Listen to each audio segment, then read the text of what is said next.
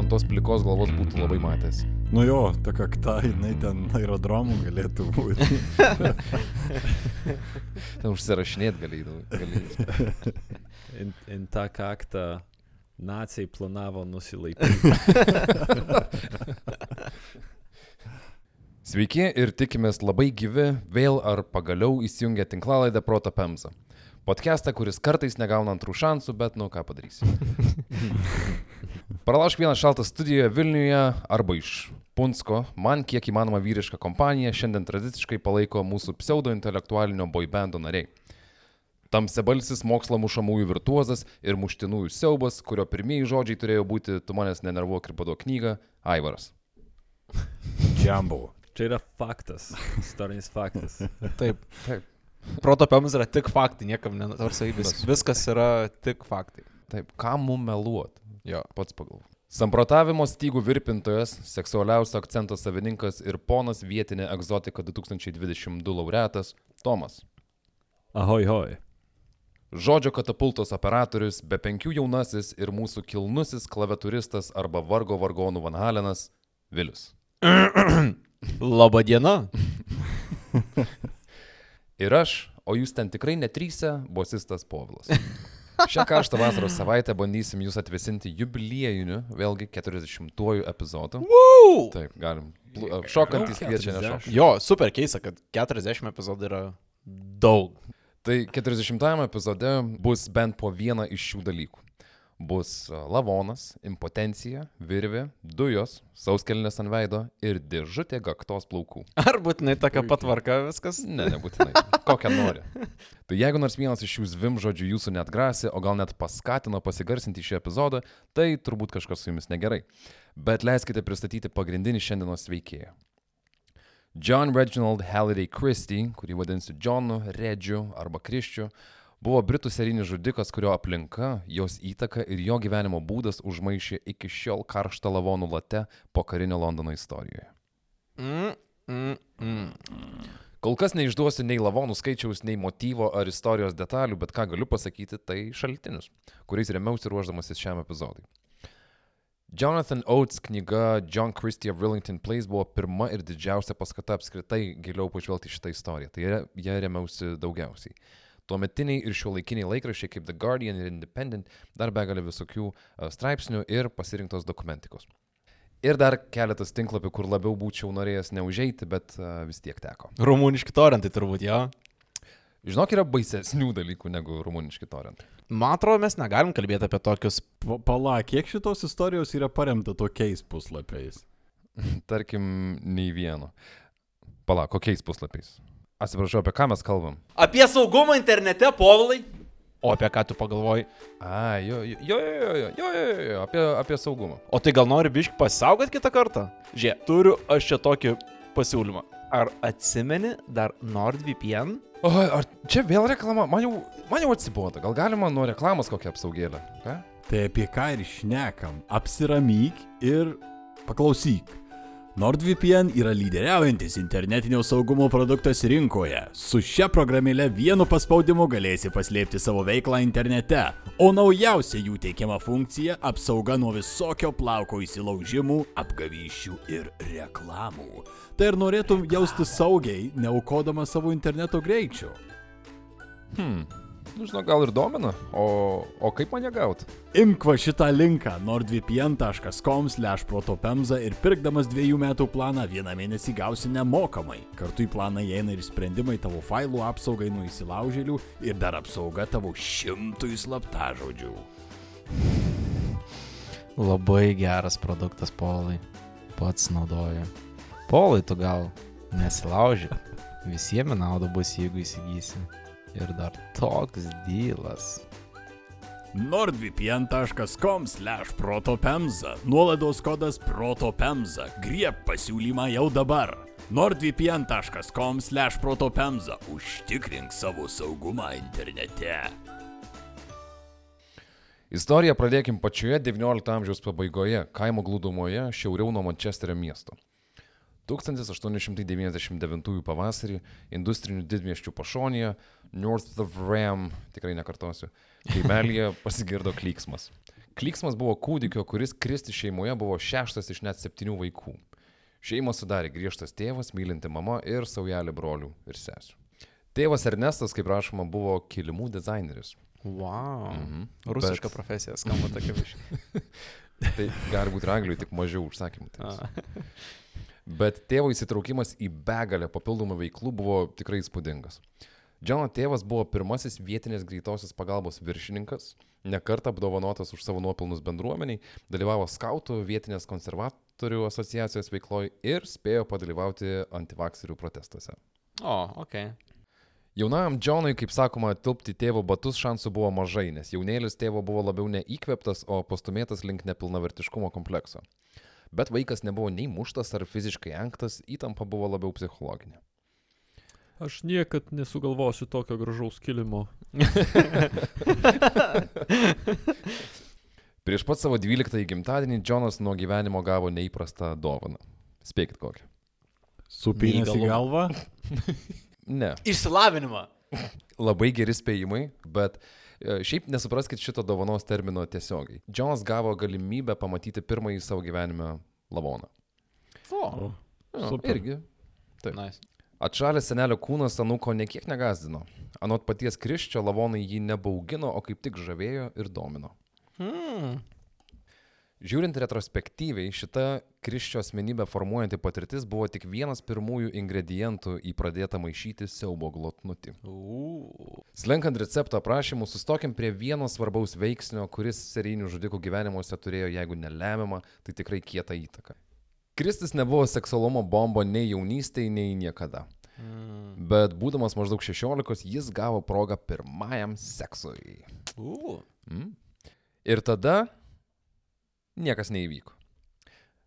Patikslinsiu, būtų gerai, jeigu būtų tiesiog niekas neįvykę, bet pana, su kuria Kriščiui nepavyko pasimylėti dėl jo nepasitikėjimo savimi ir nepatirties ir kažkokio, kažkokios baimės, kad nepavyks. A, Tai ta pana pradėjo apie tai pasakoti visiems jo pažįstamiems ir nepažįstamiems. Nu tai Anatolijaus Livko vaibeliai tokie šiek tiek.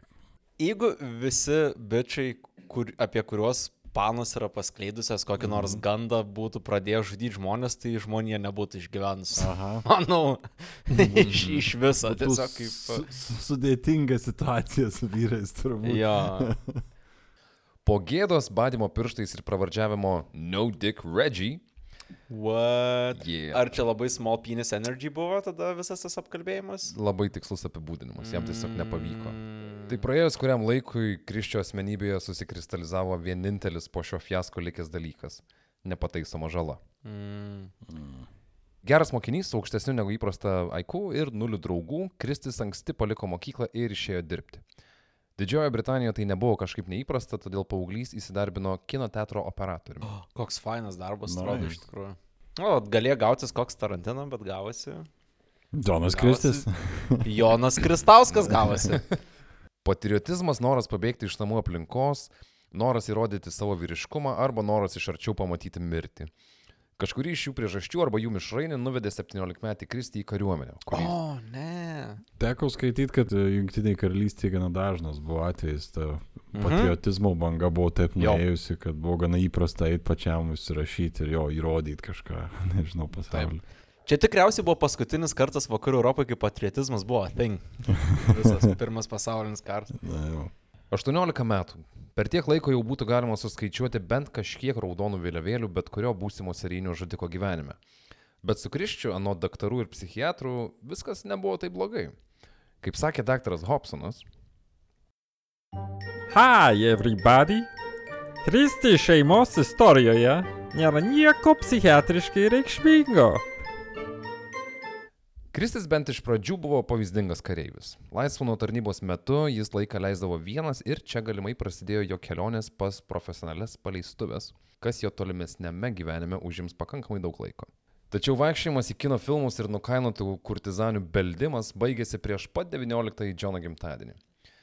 Kristis buvo išsiustas į frontą Prancūzijoje. Neišbuvus karo zonoje ne dviejų mėnesių, Džonas patenka į polimą, kuriame gauna sočią porciją garstyčių dujų. Jei. Uf. Priminimui, kokį efektą turi garstyčių dujos? Išdegint gali visą veidą ir kvėpavimo takus, kaip žinau, Hitleris buvo gavęs, tai jis berots randus ant veido turėjo visą Jo. gyvenimą nuo to.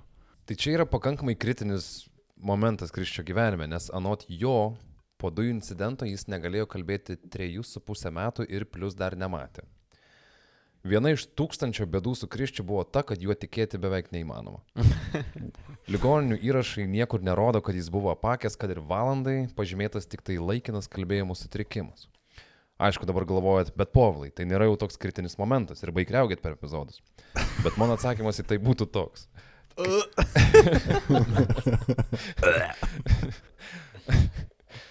Kristis po to incidento visą gyvenimą kalbėjo tik šnapždėdamas.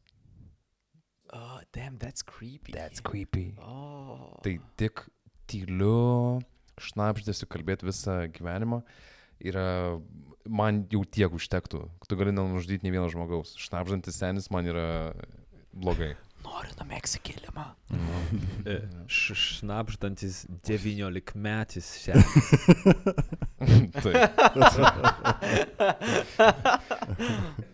Jie kitaip brenda to atomą, niekada nežinau. Ir čia pastebėkim, kaip mūsų pagrindiniam veikėjui išsivysto histrioninis asmenybės sutrikimas. Ką tai reiškia? Tai yra, kai žmogus siekia dėmesio įvairiausiais būdais. Pavyzdžiui, kad per jo negalę aplinka jam rodytų dėmesį ir užuojautą. Tai aktorius, ar ne tada? Jo. Blemba tikrai nuskambės kaip senas žmogus, bet skamba kaip socialinių tinklų 95 procentai narių iš tikrųjų. Mm. Tai šnapždesiai galėjo būti fizinė, galėjo būti psichologinė trauma, bet galėjo būti ir puikiai priemonė aplinkinių rūpeščių įkopinėti. Tai prašom nustatyti šnapždesių filtrą, kai į gyvybės rėmus netilpsinti istorija pradės groti garsiau. Po kariuomenės įsikibęs invalidumo pensijos, Džonas vėl nuėjo dirbti kino teatro operatoriumi.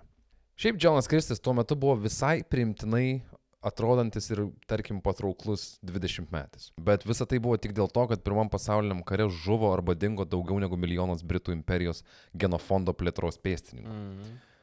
Nu ir dėl šios priežasties Kriščiui pasisekė nusikabinti dailę merginą vardu Ethel Simpson. Ethel buvo tipinė to meto mergina. Anksti neteko tėvo ir anksti pradėjo dirbti. 1920 pavasarį jie apsivedė ir karo prismauktas gyvenimas atrodo turėjo atsikrenkšti ir uždainuoti naują dainą. Bet užteko vienos vasaros ir vieno rudens, kad melodija užkimtų. 1921 m. žiemą Kristis įsidarbino paštininku. Laikui bėgant sugalvojo, kad porą jo nešiojamų piniginių pašto perlaidų pasimes. Sumos nebuvo didelis, bet nusikaltimas įvykdytas, susektas ir Kriščio namuose daroma krata. Čia jau yra ženklus skirtumas nuo tų istorijų apie žudikus iš Rusijos. Policija rado nusikaltėlį iš karto. Kratos metu buvo rasta čekių, pašto ženklų, pinigų perlaidų ir panašaus visokio laimikio už daugiau negu 700 svarų. Tai šiais laikais tai būtų maždaug 42 tūkstančiai eurų. Ok. Mm. O pal palyginimui į namus kriščiai abu du iš pašalpų ir algų parneždavo maždaug 5 svarus per savaitę. Tai nu, per mėnesį gautųsi mano kreivais skaičiavimais apie 1200 eurų. Yra polinkis e, vis dėlto pas jį biški apeiti taisyklės. Teisme Kriščiui padėjo jo iki tol teigiamą charakterizaciją, kuri vėliau suvaidins gyvybiškai svarbu vaidmenį vienoje visiškai ištaškančioje istorijoje, kurią pataupėme idėjų kompostui. Papildomą turinį kiekvieną savaitę gauna visi, kas Contribui platformoje mus per mėnesį remia už tiek pat, kiek kainuoja 731 gramas Lidlo marinuotų šašlykų. Jo, jūs rinkitės, kam verčiau atiduoti šitos. Tai Kristis už tai gavo tik tai 3 mėnesius už grotų. 1923 Džono Kristi gyvenime pažymėti pokyčiais. Tais metais ponia Kristi greičiausiai, yra spekulacijų, kad gal ne, bet greičiausiai ji išdavė savo vyrą su savo viršininku. Niurus ir laibos Kriščio šešėlis turėjo susirasti pavėsį, kur niekas jo nepažinotų. Džonas priima sprendimą palikti Halifaksą, kuriame ir gyveno su žmona tuo metu, ir išsikraustų į Londoną. Neilgai trukus Londone Kristis apvogė savo jau buvusią darbovietę, o už porą savaičių pavogė vaiko dviratį. Prigautas Džonas dar bandė itin prastai vartytis iš situacijos, bet gavo 9 mėnesius sunkiųjų darbų. Mm. Pasukim truputį laiko ratą į priekį, praeina penkeri metai. Ant Kriščio galvos plaukų tikrai nepadaugėjo. Kakta, Bet bet, jis- bet kakta išauk turėjo. Jo. Šiaip Čia- jo. Tik tai, kad klausytojai suprastų, kai įsivaizduot Džono Kriščio kaktą, tai paimkite Gitano nusėdą kaktą ir padaugin, padauginkit iš dviejų su pusė. tai kažkur gaunat tą uh, ratio, koks yra kaktos dydis. Tikrai ne- nenormaliai didelė. ta prasme, Kel, keliom krepšinio aikštelėm reiktų išmatuoti. Tai Kristus sutiko moterį, Maud Cole, vadinsiu ją ponia Cole. Mhm. Įsiplieskusi simpatija būtų nuvedė iki apsigyvenimo kartu, bet ponia Cole dar nežinojo, kad taps Kriščio pirmojo rimtesnio nusikaltimo taikiniu. Čia yra 29. Ir jam yra tracas, ne? Taip, Šiuo metu tra- 30 metų. 30, Mhm. 31. Be gyvenant kartu išsivystė tradicinė įnamio situacija. Jis neteko darbo, jai nusibodo jį išlaikyti, jam buvo pasakyta išsikraustyti, bet jis jai pasakė. Jeigu aš tavęs neturėsiu, tai niekas tavęs neturės. Vieną rytą jis iš kampo paėmė kriketo lasdą ir pasakė, kokia stipri lasda. Bet lasda grįžo į vietą. Bet nutiko taip, kad ponia Kol pietums parnešė Kriščio nemėgstamos žuvies. Džonas pakilo nuo stalo ir trumpam dingęs grįžo. Kaip vėliau teigia ponia Kol. Mane pusiau atjungė. Atrodo, kaip visas pasaulis būtų sprogęs. Atrodė, kad akimirkai viskas pasidarė juoda. Tai kas įvyko? Kristis paėmė jau minėtą kriketo lasdą, atėjo prie jos iš nugaros ir kalė įvartį. okay. Tai ponia Kol nukrito, sujudimo ten truputį buvo, kurį išgirdo kaimynas ir atbėgo pažiūrėti, kas vyksta. Ponia Kol ligoniai susiuvo, Kristi pagavo gatvėje. Vėliau jaunasis kriketininkas aplankė ją ligoninėje ir bandė paaiškinti, kad viskas buvo tik nelaimingas atsitikimas. Ta pačia istorija jisai bandė prastumti ir teisėjai, kuris nepatikėjo bailiu kriščiu ir... tais- 9 mėnesiai. A, ne, Standart. šį kartą mažiau šeši mėnesiai. Shit! dirbau. Mažiau negu Taip. praeitą O kartą. ten buvo gražus dviratis naujas. vėliau, Tai, žinai, Jo, o, nelygiai. okay. Grįžęs iš kalėjimo, Džonas vis įsidarbindavo kokiu tai vairuotoju, bet vis nepasisekdavo tų darbo vietų išlaikyti, dažniausiai dėl jo kalties.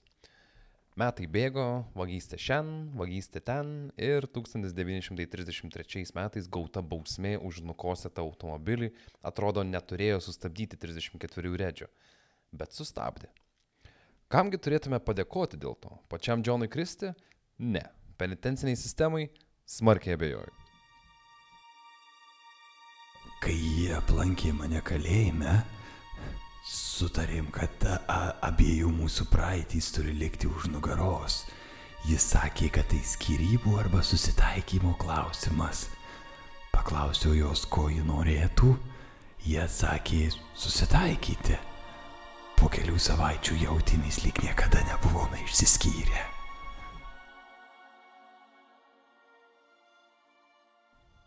Turiu nuvilti visus, kurie pagalvojo, kad tai buvo ponia Cole. Kriketo lasda santykius nutrenkė į nepareinamus tolius.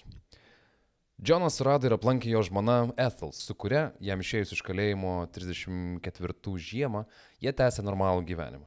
Niekas ant nieko nepyko dėl neištikimybės, niekas nepasakojo, kad Halifaxe vos neapsivedė su kitu vyru ir niekas nepasakojo arba nešnekėjo, kaip kažkieno sugyventinė pralošė krūvinas kriketo rungtynės. Nežinojimas yra palaima. Anot Džono gyvenimas buvo palaimingas, jis žmona rūpinosi. Ir 1937-aisiais po kraustymosi iš vienos Londono šiknos į kitą, ponas ir ponė Kriščiai atsikraustė į namą, kuris amžiams žmogžudžių istorijos archyvose įgaus pliką, šnapždančią asociaciją. Sveiki atvykę į Rilingtono gatvę numeris 10.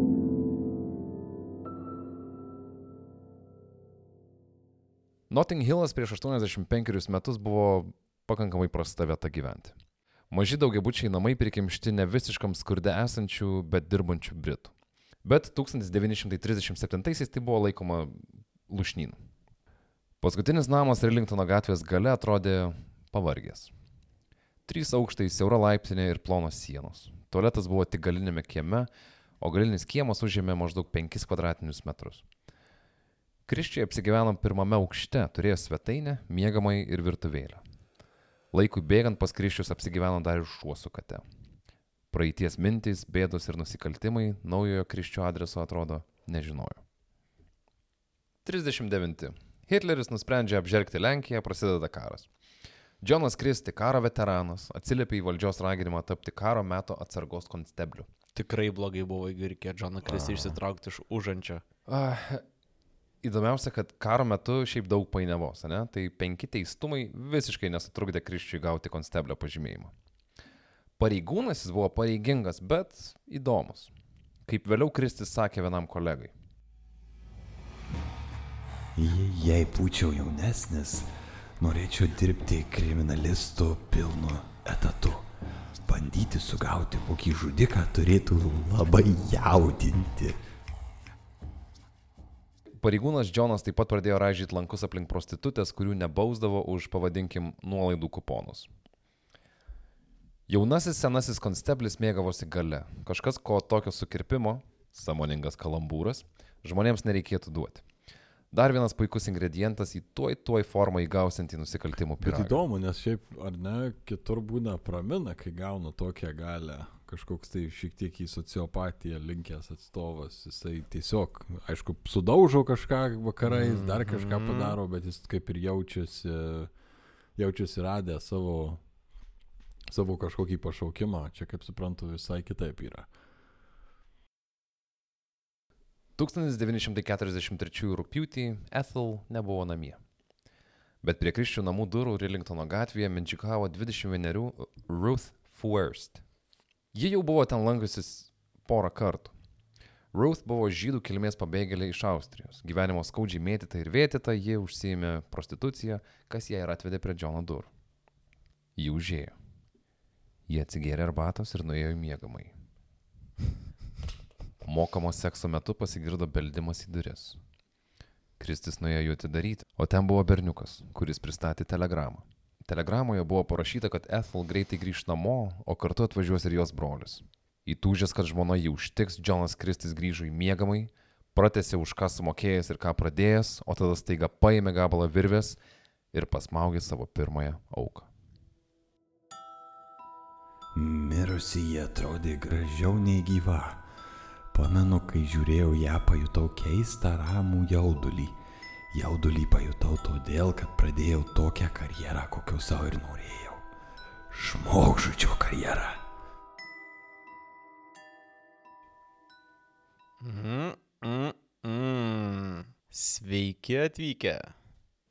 Nėra jokių ženklų, kad šita mirtis buvo suplanuota. Kriščiui reikėjo į darbą, žmona toj grįžta, Ruth kaip ir nieko per daug jam nepadarė, nors pats Kristis vėliau tvirtino, kad mergaitė buvo jį įsimylėjusi ir norėjo kartu pabėgti. Jo, Su, su žinom. tokiu iškart pamačius tą kaklą. Mm, leisk mane nušveisti. Ais Čia- vėliau. Jo. Liuk ant kaktos. Jo. Jo visiškos kontrolės momente Ruth priraišumas galėjo katalizuoti telegramos ir taip jaudrintą situaciją. Ir tiek pakako, kad Džonas greičiausiai neplanuotai įstotų į žmogžudžių klubą. Čia jo toks labai keistas būdas pabandyti susitvarkyti, žinai. Mhm. Išspręskime problemą nestandartiškais būdais. Karo suirutė, namų erdvės saugumas ir galios pojūtis sukūrė perfektum tempestas gyvybės atėmimui. Juolab, kad kas pasigės prasidavinėjančios vienišės imigrantės. Kristi išgazino, kiek kūno skyščių išleidžia pasmauktas žmogus. Jis Ruth suviniojo jos pačios paltą, atlupo svetainės grindis ir kartu su likusiais rūbais ten ją ir paslėpė. Va šito a- anglosaksų tradicijai niekaip nesuprantu dalyko yra slėpti pūvančius Aha. objektus po grindim. Tu- Dar nepūvo iš karto. Tai... Nu jo, iš karto ne, bet čia like, nu, dienų klausimas, žinai. O jeigu tu jau po grindim padėjai, tai tikrai greit neiškelsi, nes jas trunka laiko nulup, tada sudėti atgal, skalti atgal ir visi šitie džiaugsmai. Grįžta žmona, labas, labas, viskas gerai, brolis va atvažiavo.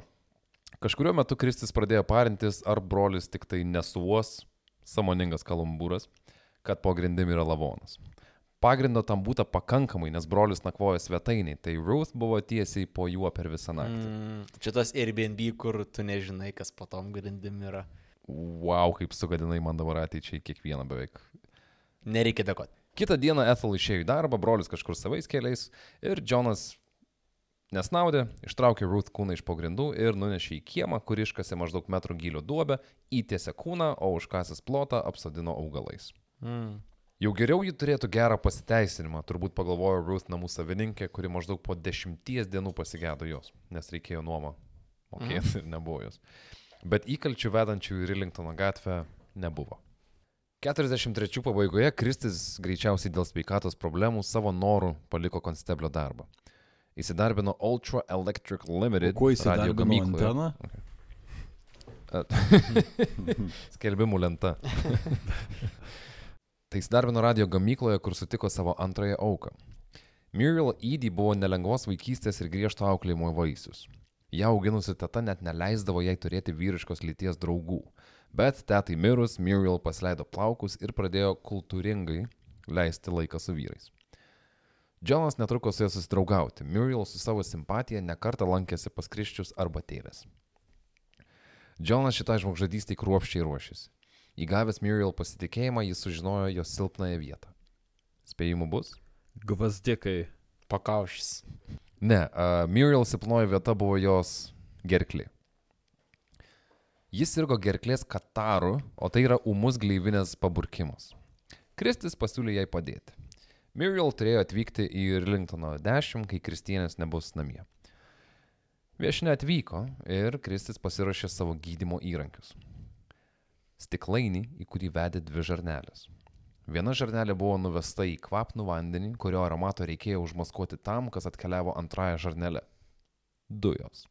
Kristis neturėjo kažkokių specialių dujų, ta antra šlanga ėjo tiesiai iš namų dujų paskirstimo vietos. Tais laikais Anglijoje namuose naudojamų dujų sudėtyje apie 15 procentų sudarė anglies monoksidas. Bet skaniai kvepiantis aromatas, kuris turėjo pagydyti Muriel lygą, ją lietai ir ramiai nugramzdino į visiškai nieko negydantį tripą. Labai įdomu, kaip uh, eskaluojasi staigiai viskas nuo uh, smūgio į pakaušį su kriketo lasda Mhm. link visiškai planuoto dalyko, Tai dar tu... pasmaugė per vidurį dar. Panai. Ai, kai dar pasmūgimas per vidurį yra. Still, though, uh, yra kelias link to, kai tu pradedi mhm. galvoti, jau žmogždystė tampa nebe tokiu netikėtų nutikimų, bet uh, reikalaujančių visai daug pasirašymų. Muriel praradus sąmonę, Kristis nusinešė savo auką į miegamąjį, ją išprievartavo, o tada pasmaugė. Antrą kartą unikalią ekstazę patyręs Kristis savo jau buvusią bendradarbę nutempė į kiemą ir užkasė šalia pirmos. Tiesioginis vos neryšys tarp galios ir seksualinio pasitenkinimo čia gaunasi. Okay. Mhm. Taip. Mhm. Ir pasitenkinimą jis uh, galėjo pajausti tik tai tada, Mhm. kai moteris buvo apsvaiginta ir negalėjo pats, nei Nu, pasipriešinti, gana nei daž, gana dažnas bruožas. Bet dar nemirus. Taip. tų, Tai jau. Muriel gerklės skausmai nebekamavo. Dingo žmogus. Darbė galvojo, kad Muriel serga, kad ji laukėsi ir todėl dingo nežinia kur su kažkokiu tai vyru, o Kriščiui naudingiausia versija buvo jos šeimos. Muriel šeima mane, kad ji žuvo diskotekoje, kurią per bombardavimą nušlavė nacijai. Žiaur geras atmatas. So Okay. convenient. Mm. O jis jau buvo senis tuo metu? Kiek, kiek mes čia turime metukų mūsų? Čia Džonai? jam yra... 44. Taip, Ai, ok. nu jau brandus vyras. Na, ja. Tai nuo tol Kristis žinojo, ką daryti. Kad ir kas bus, susimokėk sąskaitą už dujas. Ribotos sveikatos karo veteranui dujos ir virvė tapo pagrindiniais ginklais. Bet čia matom jo evoliuciją. Jaunas Džonas Kristi, kuris vogė mašinas, pinigus ir cigaretės, su metais pasiekė tokią žudikišką brandą. Po šito įvykio Kristis padarė pertrauką. Dirbo toj pačioj radio gamyklai, lyg niekur nieko. Kem šeštais nusprendė, kad Britanijos paštas jau pamiršo, kiek vekselių jis privogė prieš 25 metus ir vėl ten įsidarbino. Ir tikrai buvo taip, kad ir pamiršau. Greičiausiai. Ir kakta išplitus jau po visą galvą, tai nepažino gal dar, dar labiau. Su tokia kaktais visus adresus atsimenė puikiai, man atrodo, ten iškart. Praėjo porą iš šono ramių paštininko metų. Jokių voktų vekselių ar incidentų. Tamsiojoje spektro pusėje, aišku, rasim prostitutės ir tamses mintis, bet bent įrodytų arba dokumentuotų piktadarybių kurį laiką nebuvo. Kurį laiką. Nes tada į Rillingtono gatvę atsikrausti Timotis ir Beryl Evansai. Mūsų istorijos pagrindinis veikėjas netrukus išsirinko Beryl kaip savo kitą auką. Ši istorijos dalis, kurioje bus net ne vienas lavonas, yra pakankamai paini, bet intriga ir beprotiška atomasga tikrai verta pasiklausyti. Tai kviesime tai padaryti po savaitės mūsų idėjų kompostė, kurį išskirtinai galite gauti paremdami Proto Pemzos geriamųjų kvartetą Contribui platformoje. Papildomas turinys kas mėnesį jums kainuos mažiau nei Happy Mealas McDonald's. Dabar galiu pasakyti tik tiek, kad ponė Evans tapo trečiaja kriščio auka. Arba ne. Kitą savaitę sužinosit, kas per žmonės iš viso buvo tie Evansai, kokios taktikos ėmėsi Kristis, kad patenkintų savo žudikiškas ambicijas ir kaip beveik absurdiškai patogiai jam pavyko likti nenubaustam. 1950-aisiais Džonas sveikata ėjo tik prastyn. Tais pačiais metais Rillingtono 10 savininkai pasikeitė kelis kartus, kol nusėdo vienose rankose. Pastatą įsigijo toks ponas Čarlzas Braunas. Abu aukštai virš kriščių buvo išnuomoti septyniems žmonėms, kurių bent keturi buvo juodaodžiai. Kriščiam tai labai labai nepatiko. Savininkas dar ir kiemą užsimanė perkast, o kieme savo ramiai vis dar du lavonai guli žemėje. Atsirado grėsmė atkasti skandalą. Mhm. Bet Džonas pasitirė su savo advokatu ir ponui Braunui teko atsisakyti paslapties atkasimo planų. Tu sakai du lavonų iškasti, aš sakau du gėlių darželį yra, kuriuos gali sugriauti. Įdomu, kaip, bet tada, jeigu rūpinėsi darželiu, ar čia kaip ir auka vis dar rūpinėsi, toks žinai. Oi, ne, ne, ne, Ne. toli, toli gražu nuo šito. Mhm. Rūpiniesi tik tai darželiu. Tai- Taip. Tai jisai nuskubėjo šnekėti su teisininku, kad neleistų iškast daržo. Taip. Savininkas norėjo pusę kiemo atsitverti, kad galėtų ten statybinės savo kažkokį chlamą laikyti. Ir norėjo tada perkasti kiemą, kad jį išlygintų. Ir Kristis sakė, kad ne. Bet visa tai reiškia, kad Kristis palaidojo du lavonus nuomotam.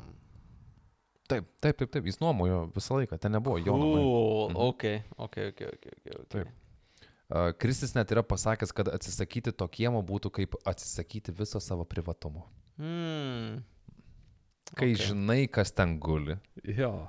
Naujieji sunkumai juodai nepatiko žmogžudžiui ir žmogžudieniai. O sunkumų būta. Naujakuriai Kriščius engė, gazdino ir puldinėjo. Vienu metu viršutiniuose aukštuose atsidarė nelegalus baras, pastatą lankė prostitutės, buvo spjaudama bendrose patalpose ir triukšmavimo visą parą. Nedovanotina. Tai buvo daroma dėl to, kad uh, jie mokėdavo mažiau nuomos. Mhm. Ir tau kaip savininkui nenaudinga. Tu nori juos išgrūst, bet negali legaliai. Tai tu tiesiog padarai pačias blogiausias Mhm. sąlygas. Kriščiai buvo įbauginti tiek, kad Ethel neišeidavo iš namų ir ją ištiko didžiulė depresija. O Redžiai buvo konstatuotas nervinis išsekimas. Toks gyvenimas ilgai tęstis negalėjo. Kriščio noras žudyti niekur nedingo, bet jis negalėjo tiesiog nužudyti septynių kaimynų ir tikėtis, kad niekas nepastebės. Juolab, kad ir kiemas ankštokas. O tai kaip tos grandys tada pirmame aukšte? tai va tuoj pažiūrėsim. Bet išeiti Džonas rado, o idėja kūnų tapo samoningas kalambūras gruodžio 14.52. Pabudau ir pamačiau, kad mano žmonai traukuliai, jos veidas buvo mėlynas, jis springo. Dariau viską, ką galėjau, kad atgaivinčiau kvėpavimą, bet tai buvo beviltiška. Atrodė, kad kviestis pagalbos buvo per vėlu, o tada nebegalėjau matyti ją tokią. Pasėmiau pėtkelnes ir užrišau ją ant kaklo, kad jau užmigtų. Vėlgi, problemų sprendimo būdas - žudyti. Būtent, čia yra toks kačing, kiek suskaičiavot sutvarkytų problemų. Galim paskaičiuoti kartu. Pirma, depresuota žmona išlaisvinta iš savo kančių. Antra, žudimo alkis numalšintas vidutiniu McMurder kompleksu. Trečia, atsilaisvina seniai jau mirtiną spektaklį mačiusi sceną - Kriščių namai. Jo visos aukos yra moteris. Taip. Bet ne visos aukos yra susijusios su seksualiniu pasitenkinimu.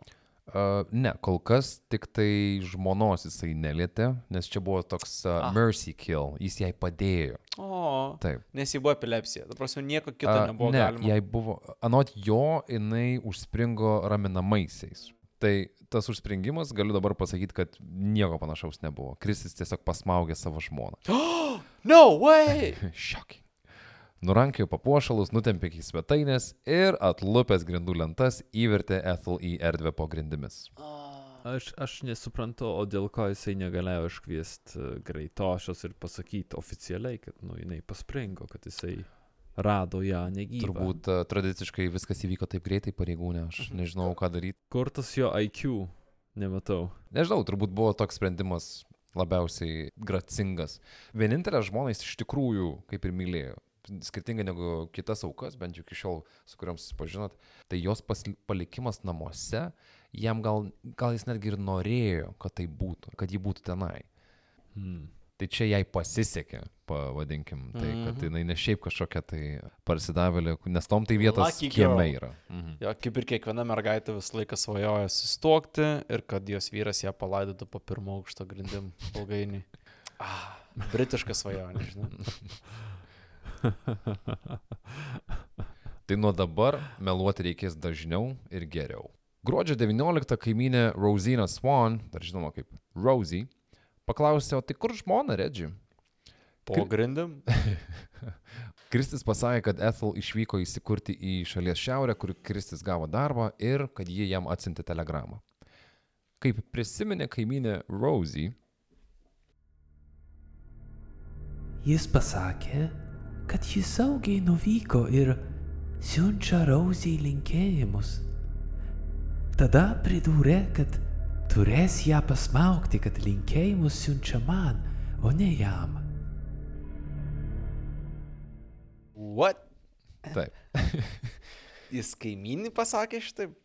taip, jisai mojavo uh, popieriaus lapu, kaimynė suprato, kad ten yra telegrama Mhm. ir uh, jis pajokavo, kad uh, va, jinai atsintė telegramą ir kad siunčia tau linkėjimus, mėla kaimynė, Mhm. ir kad nu reiks prismaukti, kad siunčia tau linkėjimus, o ne man. Mm, Kai žmona jau jau tokia. penkias dienas, jau po grindim, jau Jau, kvapas, jau kvapas eina. Jo, jo. Ar čia buvo toks e, sąmoningas humoras iš e, Krisčio pušės, ar, ar čia kažkas... Akivaizdu, kad sąmoningas humoras, E, ne? tas- Ta prasme, yra. Ei, gal čia tas britiškas humoras, kurio aš nesuprantu.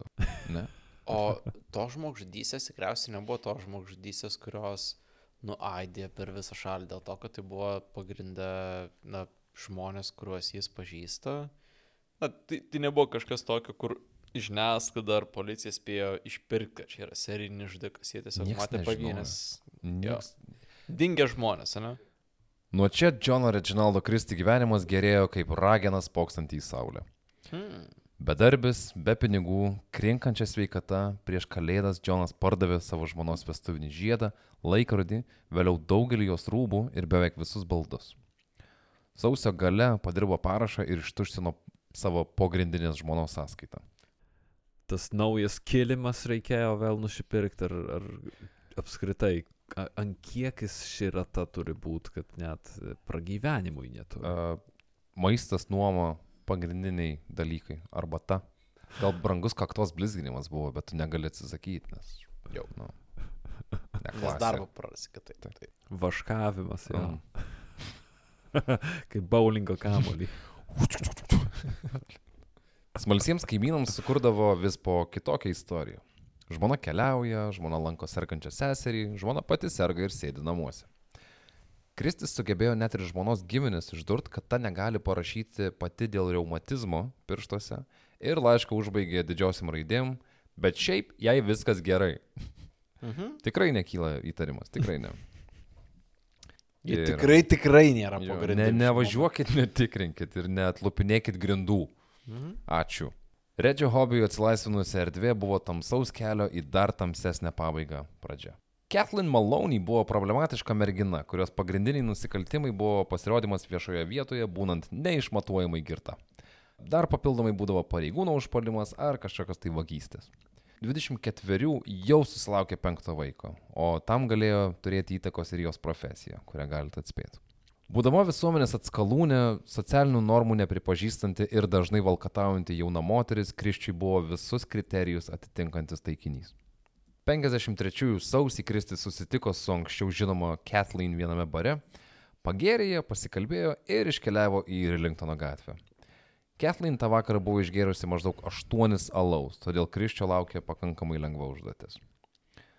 Atvykus į namus, Kathleen gavo porciją dujų, buvo išprievartauta ir pasmaukta. Iš praeitų aukų pasimokęs Kristis prieš pasmaugdamas Kathleen jai ant galvos uždėjo savo darbės sauskelnes, kad būtų švariau. Jis jau buvo išmokęs. Kad a, Skysčių skysčių palikimas yra jo, jo, Ok. kad apstvarkytų. Okay. Ir čia yra jo šešta, Penkta. penkta. Penkta. Okay. Kathleen kūną jis nunešė į virtuvę ir įstumė į nedidelę nišą, kurią užtapetavo. Kathleen. What the fuck? Taip. Nu, Nusiramiai. Ten buvo tikrai mažas kiemas vėliau. Taip. 5 kvadratiniai metrai. Galėjau užkast galvą į apačią, tada būtų aš neturiu kur pripučiamo čiūžinę namie vietos. Gle, žmonės randa kur lavonus susilė. Tarsi net ne pirmą, antrą, o vieną po grindim, vieną už tapetų paslėpsim. Manau, kad tikrasis nusikaltimas yra sakyti tapetai. Aš uh, klausytai, kad žinotumėt, uh, už maždaug 2 sekundžių polo paleisiu. Skarbonkės. Taip ir Jis įvyko. labai profesionaliai jo išvengia, bet... Uh, Klausytojai, jūs išgirdot būtinį smurtą. Gan artimoje aplinkoje. Nu. jo. Tai Kathleen niekas nepasigėdo. Po kelių dienų Kristis rado dar vieną auką. O, Ir- intensyvėja, ne? Ta prasme, ne, bet rimtai pas jį buvo Taip. keli metai tarp aukų, Taip. tarpai.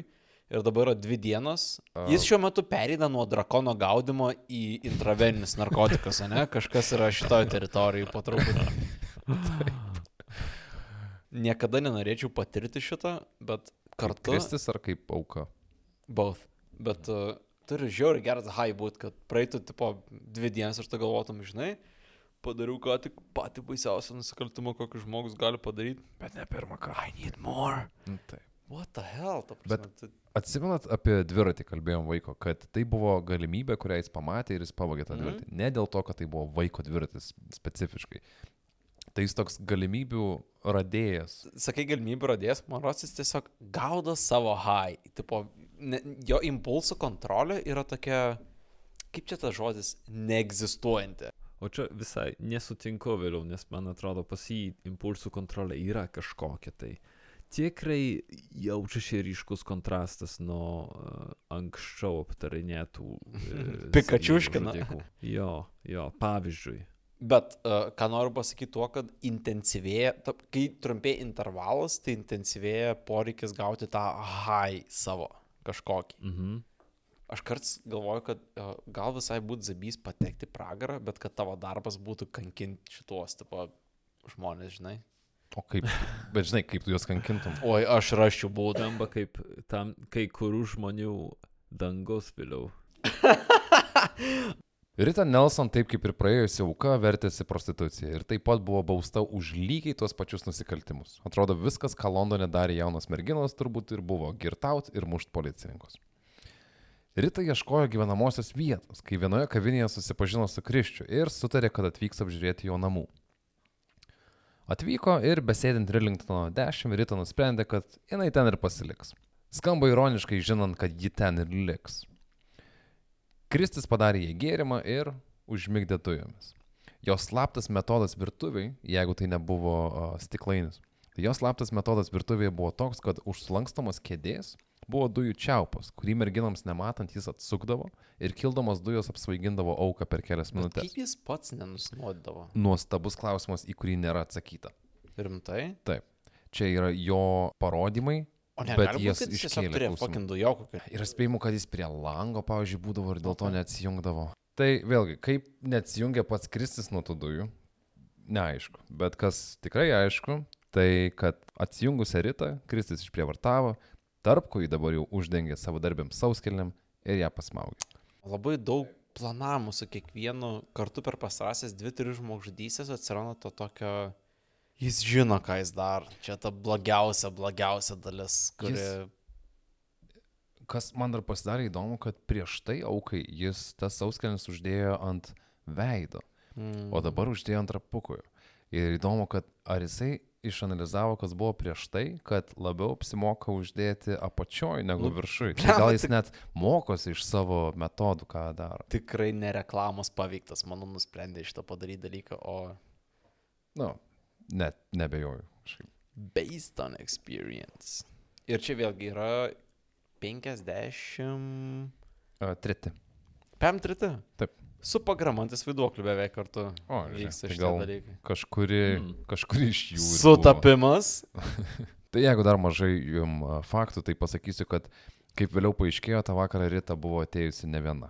Ji buvo šeštą mėnesį neščia. Mm, fuck. Mm. Į tą pačią nišą Kathleen kompaniją palaikyti buvo įgrūsta ir Rita. Į virtuvę už tapetų. Už tapetų. Taip. Atrodo, nusikaltimas dinksta jį užtapetavus.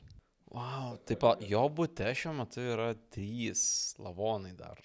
Neskaitant jo paties. Neskaitant daržo. Neskaitant daržo. Jo, Jo, darže dar. Būte, būte, kuris darosi valgyti, eina miegoti ir... Taip. Ok. A, Bet jau namas laimi prieš kiemą. Lavonų Jo, skaičių. ok. okay. O, Paskutinė kriščia auka buvo Hektorina McKay McLennan, draugų vadinama Ina. Ne taip kaip paskutinės dvi aukos, Ina nebuvo prostitutė, bet ji buvo patikli. Dvi dukros jaunystėje, bet nei vieno įrašo policijoje. Ina ir jos vaikinas Aleksas Bakeris ieškojo vėlgi vietos, kur gyventi, o Kristis jau buvo puikiai valdęs savo monologą apie kambarį, kurį nuomojo. Hektorina buvo instruktuota ateiti viena, bet su ja atėjo ir Bakeris, kas Kriščiui labai nepatiko nes žlunga planas visas. Bet Ina su vaikinu neturėjo kur eiti, todėl įsiprašė į svečius. Pirmą naktį visi prasidėjo virtuviai ant kėdžių, nes Kristis jiems pasakė, kad jo žmona gyvena greta ir užkurtų tikrą pragarą, radusi bent vieną iš jų jo lovoje. Žmona gal ir negyveno, bet tikrai buvo greta svetainiai Mm. mm. po grindim. O virtuvėje už tapetų dar du lavonai. Tai taip jie ir nakvojo šešiese. Mm. Antrą naktį jie taip pat praleido ten, bet kitą dieną išvykus ieškoti netokios baugios vietos gyventi, Ina savo vaikinui pasakė, kad 12 val. turi susitikimą. Niekas nieko neklausinėjo. Ina atvyko į Rillingtono gatvę, kur Džonas bandė ją apsvaiginti dujomis, bet uh, turbūt jį pajuto dujų kvapą, lyg ir bandė pasitraukti, bet Kristis ją prigriovė, nutempė prie dujų vamzdžio, apsvaigino, išprievartavo ir pasmaugė. Modus operandi tapo nuglūdintų kaip ir paties Kriščio plikė. Tik šiuo atveju atsirado grėsmė. Inas vaikinas. Tik Kristis paslėpė kūną virtuvės nišai, pasirodė Aleksas Bakeris. Kristis tvirtino, kad Ina net nebuvo atėjusi, aprodė jam namus, jie išgėrė arbatos ir kartu išėjo ieškoti dingusios merginos. Po kelių valandų tokios pagalbos jie išsiskirsti. Tam, tu savo merginas ieškai su jo žudiku realiai. O tavo mergina toj virtuviai, kur tu geri arbatą už, už tapetą. Tai, mm, mm, mm. Trys iš trijų ir jokio sujudimo iš teisės saugos pusės. Kristis aukų ieškojo ir toliau. Baruose buvo liudininkių, kaip jis tiesiog pervertiškai spoksodavo į darbuotojas ir kitas moteris, kartais iš niekur nieko pradėdamas garsiai juoktis. Buvo ir atviliotų moterų, kurios sugebėjo pabėgti. Buvo viena, kuriai Kristis, pavyzdžiui, pasiūlė gyvenamąją vietą ir aborto paslaugas, jeigu ji to norėtų, į ką moteris atsakė, kad ji net neneščia. Jis tiesiog pasisiūlė. Siūlė, tai Labadiena. Buvo stora. burn. Mano pavardė Krisas, galėčiau. Padėti jums to Padėti. vaiko atsikratyti. Kokio vaiko? I just really love McDonald's. Žinai, jau ne pirmą kartą čia vakarą minėjau abortą ir uh, vis atsimenu uh, paskutinius įvykius Junktinėse valstijose ir mm. tik Mhm. primena, kaip uh, tai vyks toliau, tik tai Mhm. gerbiami kriščiai galės išnaudoti šitą dalyką. Taip.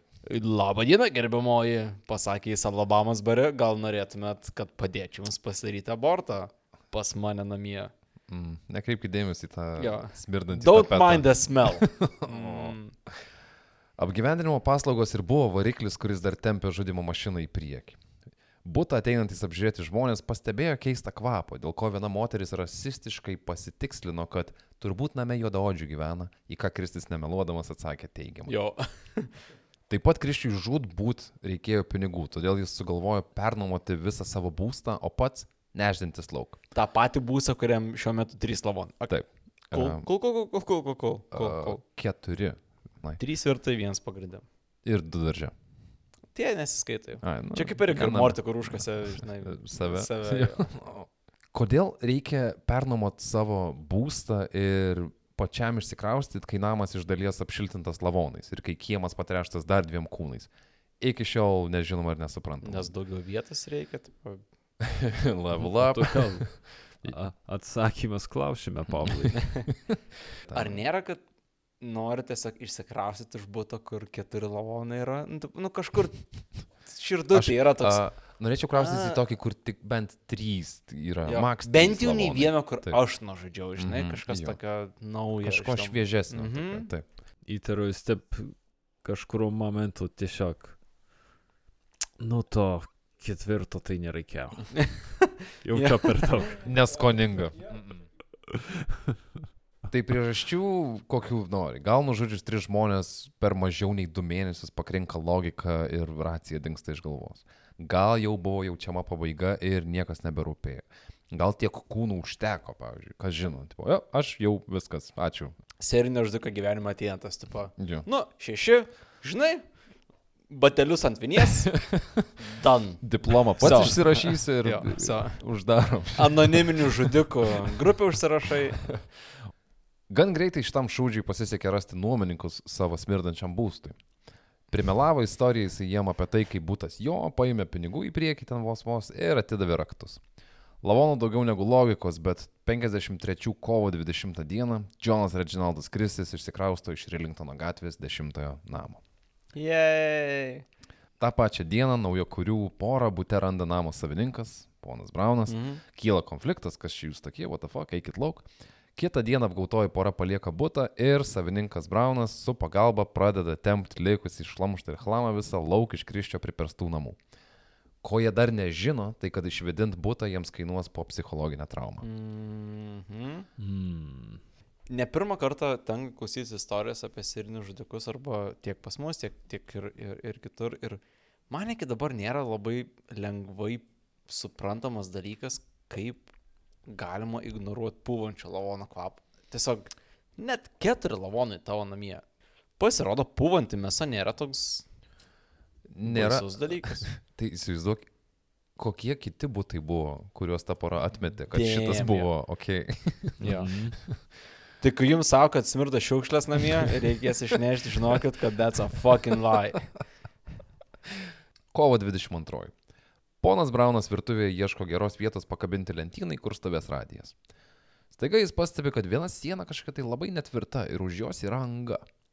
Buvo nudraskyti tapetai ir į angą nukreiptas žibintuvėlis. O iš ten pasimatė žmogaus nugara. Mm. Tiek užtenka, kad kviestum policiją.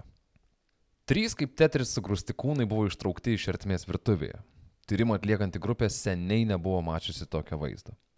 Kieme tvorą prilaikė šlaunikaulis, o netoliese mėtėsi stiklainis su kyšančiam šlangeliam. Du skeletai ir dėžutės su keturiais skirtingais gaktos plaukų kuokštais bus rasti vėliau tyrinėjant kiemą. Trys jos pasiliko. Uh, taip. Ir jie netgi buvo vieno, net nerado kieno buvo tie plaukai. Nei vienos iš tų aukų neturėjo būti. Tai galimai galėjo būti Yeah. daugiau netgi aukų, Mm. bet, bet kur tada kūnas? Tie grindų nėra, kiemas per mažas. Tai gal pridusino, apkarpė ir paleido, hūnaus. Tyrėjus ištiko, kaip Vilius pasakytų, tuti fruti situacija, todėl buvo tikrinamas jau kiekvienas centimetras. Namo viduje vienas komandos narys pamatė atšokusias svetainės grindų lentas ir jas atlupo. Pone Kristi buvo mažų mažiausiai net pažįstama, o ponas Kristi tapo ieškomiausiu žmogumi visame Londone. Ta vakarą laikraščių spaustuvės užtraukė rankinį stabdį, nes reikėjo perspausdinti pirmąjį puslapį. Antraštės per vieną naktį išgarsino Rilingtono gatvę ir jos buvusį gyventoją. Rastų lavonų ir įkalčių pakako net ne vienos dienos straipsniams, o policija jautė įaudrintos ir jau neblogai informuotos visuomenės alsavimą į nugarą. Kur? Regis. Pasipylė skambučiai. Tuo metu būti praplikusi vyresnio amžiaus vyrų su akiniais labai neapsimokėjo. Mhm. O Kristis nukeliavo į nakvynės namus Road Town House, Kings Cross gatvėje. Susimokėjo už savaitę į priekį, bet iš tūkstantį vyrų kas nakt talpinusių namų teko sprūkti jau kitą dieną po paieškos paskelbimo. Užuovieno populiarumo Kristis rado kavinėse ir kino teatruose. Pinigai labai greitai tirpo su kiekvienu arbatos podeliu. Teigiama, kad jam teko nakvoti statybose ar tiesiog laukia. Rilingtono gatvės siaubas lampinėjo pirmyn atgal Londono gatvėmis. Nulis plano, nežinau, ką su savim Mhm. daryti. Visiškai. Slankioje, Taip. Jo, čia laiką. tikriausias dalykas su tuo masturbaciniu žudiku, nes jam tai teikia tikriausiai seksualinį pasitenkinimą. E, Jis- Žudimas? Jo, jis nepergalvoja toliau matai- šito dalyko. pats žudimas neteikė jam seksualinio e, kažkokio pasitenkinimo, labiau apsvaiginta ir visiškai negalinti pasipriešinti auka. Nužudimas būdavo jau kaip ir pasiekmė, kurios jis bando išvengti, Jo, kad niekas nepasikultų. Gaunasi, kad jis nužudimą traktuoja kaip kažkokį būdą gauti endorfinų, bet negalvoja, kas bus toliau labai toli, ne? Po Ne. diena į priekį, dvi dienas į priekį. Žino, kad daro blogai, akivaizdu, nes dingo iš tenai ir bėgo toliau. Nu, taip, man netrodo labai apgalvotas ir ilgalaikis sprendimo būdas pakišti kažką pagrindim. Mėnesiams. That is true. Slampinėjimai baigėsi 53 metų kovo 31-ąją, kai policijos pareigūnas pastebėjo Kristi prie upės ir užkalbino jį. Labą dieną. Kristis atrodė tragiškai, buvo jau keturias dienas nevalgęs ir jau senokai nieko nenužudęs. Džonas dar bandė prisistatyti kitų vardu, bet buvo pristatytas į policiją, kur gavo pavalgyti. Greitai prisipažino dėl žmonos ir paskutinių trijų merginų nužudimo ir buvo nusiustas į kalėjimą laukti teismo. Pamatę ir pasvėrę įkalčius, Kriščio advokatai neturėjo kito kelio, kaip tik bandyti jį parodyti kaip nepakaltinamą. Tai buvo netokia lengva užduotis, nes Kristis nebuvo išprotėjęs, jo intelektas kaip tik buvo ganėtinai aukštas. Jis noriai ir ilgai dalyvavo pokalbiuose apie save, tik tai kai kalba pasisukdavo apie temas, kurios terždavo jo reputaciją, staiga dingdavo atmintis ir Džonas nebebūdavo toks tikras, kas jau ten nutiko. Kaip netikėta. Kaip patogu. Egocentriškasis Kristis, kuris savo kameroje turėjo savo nuotrauką, per tris mėnesius kalėjime netgi priaugo 5 kg. Gerai jam. Gerai jam. Ant, ant kaktos turbūt matėsi visi uh, kilogramai. Įdomus faktas, kad turėjo neveidrodį savo nuotrauką. Nu, tai kaip ir veidrodį. Teismas prasidėjo birželio 22-ąją. Kaltinamas savo žmonos nužudimu, Kristis kaltę neigė, nors prieš tai jau buvo prisipažinęs. Keturios dienos teismo, 80 minučių svarstymo, sprendimas - kaltas. Bausmė - mirtis. Jei. Bent vieną gerą naujieną per visą šitą. Pagaliau. 53 Liepos 15-9 val. ryte Kristis drebančiomis kojomis žengė link kilpos. Budelis lietai jam nuėmė akinius. Po kelių akimirkų Rilingtono gatvės pabaisa kabos ant savo paties naudoto žudimo įrankio - virvės ant kaklo.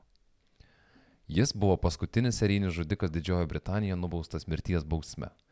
Po 9-6 apie 300 žmonių laukia jau linksminasi sužinoję, kad Kristis nebegyvas.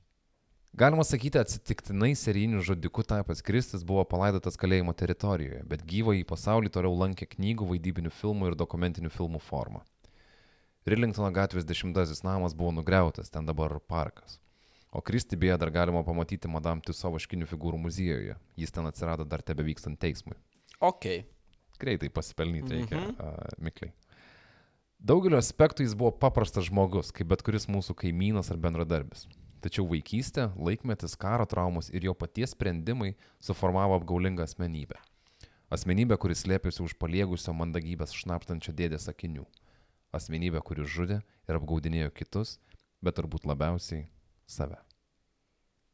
Suknistas bibys. Galėčiau pasakyti. Ir nebūtum neteisus. Taip. Jo. Ar Paul jis yra... Ačiū Paulai už, už tą Junktinės karalystės Ačiū. žudiko istoriją. Bet ar jis yra paskutinis mirties bausmė nuteistas žmogus ar žudikas? Bent jau serijinis žudikas. Bent jau serijinis žudikas, Taip, mirties paskutinis. bausmė gal dar vyko vėliau, tiesiog nerado serijinių žudikų iki, iki tada. Fuck, man kažkaip įdomu, kiek žmonėms susišūkė tuo metu su ten Jack the Ripper ir visom tom mm. istorijom iš iki, nes čia toks paneigiantis tą pokario idilinį laikotarpį, ne, kai e, atsiranda ten nemokama sveikatos apsauga ir kaip ir mes laimėjom mm. karą ir čia viskas gerai turėtų būti, bet ne, mes turime savo Džoną, noriu sakyti. Taip. Džoną, taip. Turim savo Džoną šitą vietą. Fucked up dalykas visiškai. IQ elementas visų pirma iš to, ką pasakoji Pavlai, visiškai neiškilo kažkokio itin protingo žmogaus e, vaizdas, kaip šikis netgi atvirkščiai. E, Tas, ką jis in gyvenimo pabaigą darė, buvo labai jau neapgalvota, labai idiotiška, netgi tokio Taip. beglio prasme. bet man, man rodos, kad e, š- šiaip tas intelektualaus, hiperprotingo serijinio žudiko įvaizdis tai yra mitas, už tai, kad dauguma jų Taip. yra nevispročiai arba, arba vidutiniokai, arba žemiau vidutinio. e, Didesnė fucking dalis jų ne vispročiai yra. Didesnė, didesnė dalis. Palėtė tokį aspektą, kad jis visą laiką man įdomus buvo. Tai yra pasauliniai karai, šiaip konfliktas. Mhm. Kad tas e, karas veikia kaip e, dūmų uždanga arba tokias triukšmas, kuris užgožia visus kitus baisius, bjaurus Mhm. dalykus, kurie vyksta. Nes akivaizdu, kad ten mažai kam rūpės, vat tas vienas dingęs žmogus, kai vyksta fucking pasaulinis karas su Mhm. Hitleriu. Bet karas devalvuoja mirtį ir lavono Taip, reikšmę. bet jo, bet vat, dėl iš to individo pusės, iš to žudiko ar potencialaus žudiko pusės, ar karas nėra tas katalizatorius, kuris ištraukia blogiausias savybės to žmogaus ir paverčia jį tokiu vat, psichu. Tikrai gali. Ir tikrai ir padarė turbūt taip. Nebūtų buvusių bent pusės aplinkybių, bent kelių didžiausių aplinkybių. Nebūtų jis dujom prišertas per pirmą pasaulinį karą, nebūtų antro pasaulinio karo, kai jis gyveno Londone, kurį bombardavo. Aš manau, kad lavonai mėtėsi kars nuo karto ir degė viskas ir buvo pakankamai baisu. Jo. Tai žiaurybių akivaizdoj daryti žiaurybės atrodo, aš pristaikau netgi prie aplinkos vos ne. Jo, čia žinai, viena vertus, taip, šitas, e, šitas aspektas, e, jeigu norint būti sąžininkas, tai vis tiek jis pragyveno žiauriausią laikotarpį žmonijos istorijoje. Tiek pirmą, tiek antrą pasaulinį karą. Sąmoningai kita vertus. Mhm. Milijonai žmonių pragyveno tą patį periodą. Ir tikriausiai sunkesniam aplikybėm. Ir vėlgi, norėčiau patek, patekti pragarą, kad mano darbas būtų įkankinta, ne? Kaip ir Tomas minėjo, kad tai būtų rojus tikriausiai, ne pragaras. Bet kiek užtapę tai yra paslėptų žmonių iš tikrųjų. Šiaip už ką savietum reikėtų padėkoti, kad iš blokų statė daugiabučius, kad tikrai nėra kur pagrindim paslėpti. Ten blemo, nežinau, batų dėžutės nepaslėpsi, tai ką kalbėti apie lavoną. taip pat, Tai, Tai dėl to į parkus ir eidavo. jo, dėl to į parkus ir eidavo. Iš tikrųjų. Čia yra, čia yra Last Night in Soho, tik tai su pakeistom lytim. Nežinau, ar matėte tą filmą, bet Mhm. mhm. grinai. Bus proga pažiūrėti. Mhm. O šiaip apie Kristį yra netgi vaidybinis filmas, gal net ne vienas padarytas. Tim Roth vaidina uh, Kristį. Hmm. Ir... Tim Roth, Kristi Mhm. vaidina? Taip. Ne, Tai kad jis kaktos neturi beveik. prisiaugino tikriausiai.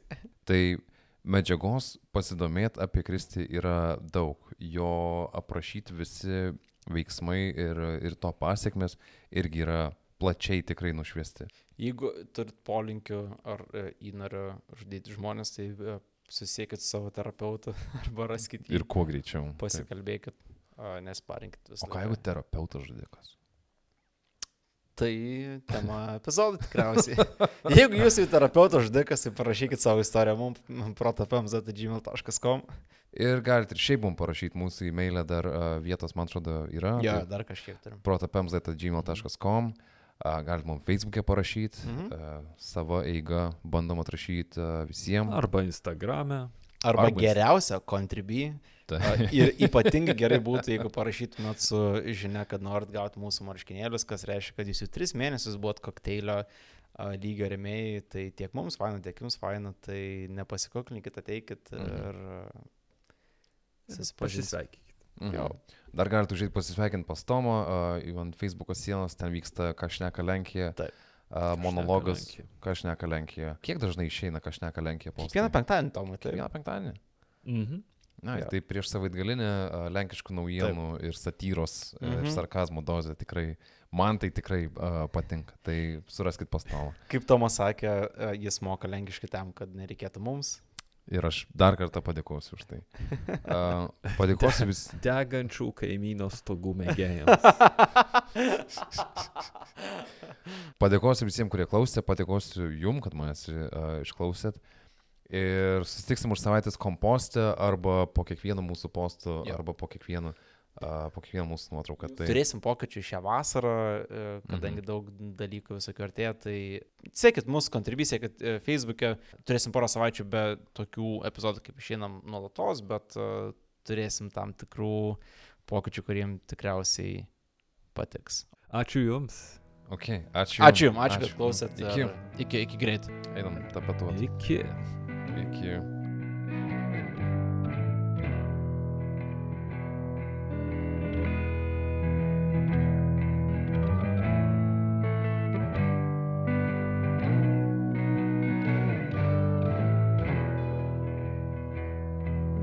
Palauk, dar neišjung. Ačiū, kad klausai mūsų podcast'o. Dvigubas ačiū, jeigu remi mus Contribui. Jūsų parama leidžia mums plėsti savo veiklą ir jums dar geriau pristatyti kraują, ugnį, brutalizaciją ir pasaulio paslaptis. Norime padėkoti savo dešimtukininkams.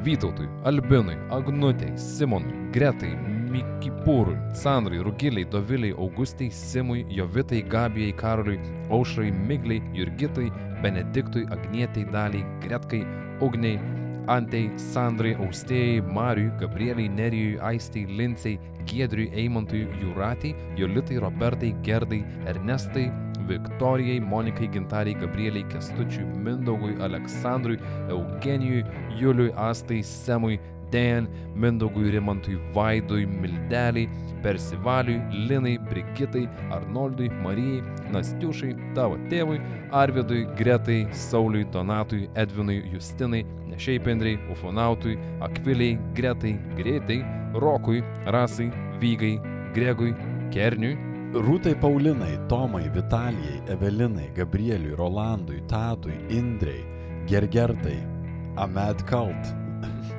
Ro... Rokui, Justinui, Domantui, Aurimui, Artūrė, Jovitai, Simui, Dainiui, Eirimai, Mildai, Tadžiui, Betonburniai, Ainui, AN, Mikui, Artūrui, Sauliui, Evelinai, Mantvydui, Kūgiui Mūgiui, Domui, Laurai, Gediminui, Simui, Gabrieliai, Egliai, Justinui, Kunigundai, Evelinai, Auritai, Šarūnui, a, Linai, Justinai, Lara, pasiskrolinti reikia. Pasiskrolinti. Stepan, Darislovui, Štrimaitytė, Arminui, Lauritai, Besaikevičiūtei, Tadui, Meškiui, Gyčiui, Martynui, Juratei, Mariui, Gabrieliai, Jonui, Marijui, Martinui, Žygimantui, Justei, Edvardui, Editai, Arūnui, Kamiliai, Benui, Rasai, Kotrynai, Dominykui, Aušrai, Tomui Vytautui, Astai, Tadzikučiui, Dariui, Tomui. O taip pat Gretai, Remigijui, Povilai, Egliai, Ingridai, tavo tėvui, Rimai, Doviliai, Andriui Andreliui, Simui, Baronui von Solkenzo, Žygimantui, Gretai, Dariui, Vaidai, Mildai, Audriui, Barškalui, Andriui, Gretai, Giedriui, Agniai, Bytskai, Akučaitai, Jorindai, Rasai, Povilui, Simui, Mariui, Edvinui, Tomui, Egliai, Julijai, Tomui, Mantui, Robertui, Mindaugui, Pijui, Šarūniai, Indrei, Sauliui, Vytautui, Mantui, Dariui, Dėdį Tomui, Alvitai, Mariui, Emantui, Viliui, Skirmantai, Monikai, Domukui, Kristinai, Arnui, Medeinai, Aidai, Egliai, Skanartui, Ritai, Linai, Doviliai, Gintai, Pauliui, Mantui, Doviliai, Imantai, Lukui, Inesai, bei Gaudentui Mykolui, Agnei, Lukui, Linai, Darui, Raimondui, Akviliai, Renatai, Povlui, Viliui, Ievai, Inai, Tadui, Aisčiui, Gailiai, Mirandai, Monikai, Justinui, Ievai ir Mantui Ubikui. Darui, Rūtai, Urtai, Dievui, Video, Laimonui, Petrui, Liudui, Richardui, Rimai, Rūtai, Redai, Karoliui, Seliukaitį, Pauliui, Paškevičiūtai, Zabirkai, Jacksonui, Kristinai, Rasai, Raimondui, Karolinai, Povilui, Solveigai, Eglei, Vytautui, Justui, Almantui, Miglei, Indrei, Justinai, Karolinai, Audriui, Tomui, Ingridai, Dovydui, Gintarai, Augustinui, Marijui, Venslovaitai, Rūtai, Trū, Rūtai, Gvidonėšiui, Pavlui, Irmatui, Giedriui, Lukui, Agnei, Ingridai, Elijui, Simonui ir Martynui. Ačiū jums visiems, ačiū. Pirmą kartą gal bus vis keturis, jeigu klausyk, gal awesome. Dankeschön. Ačiū.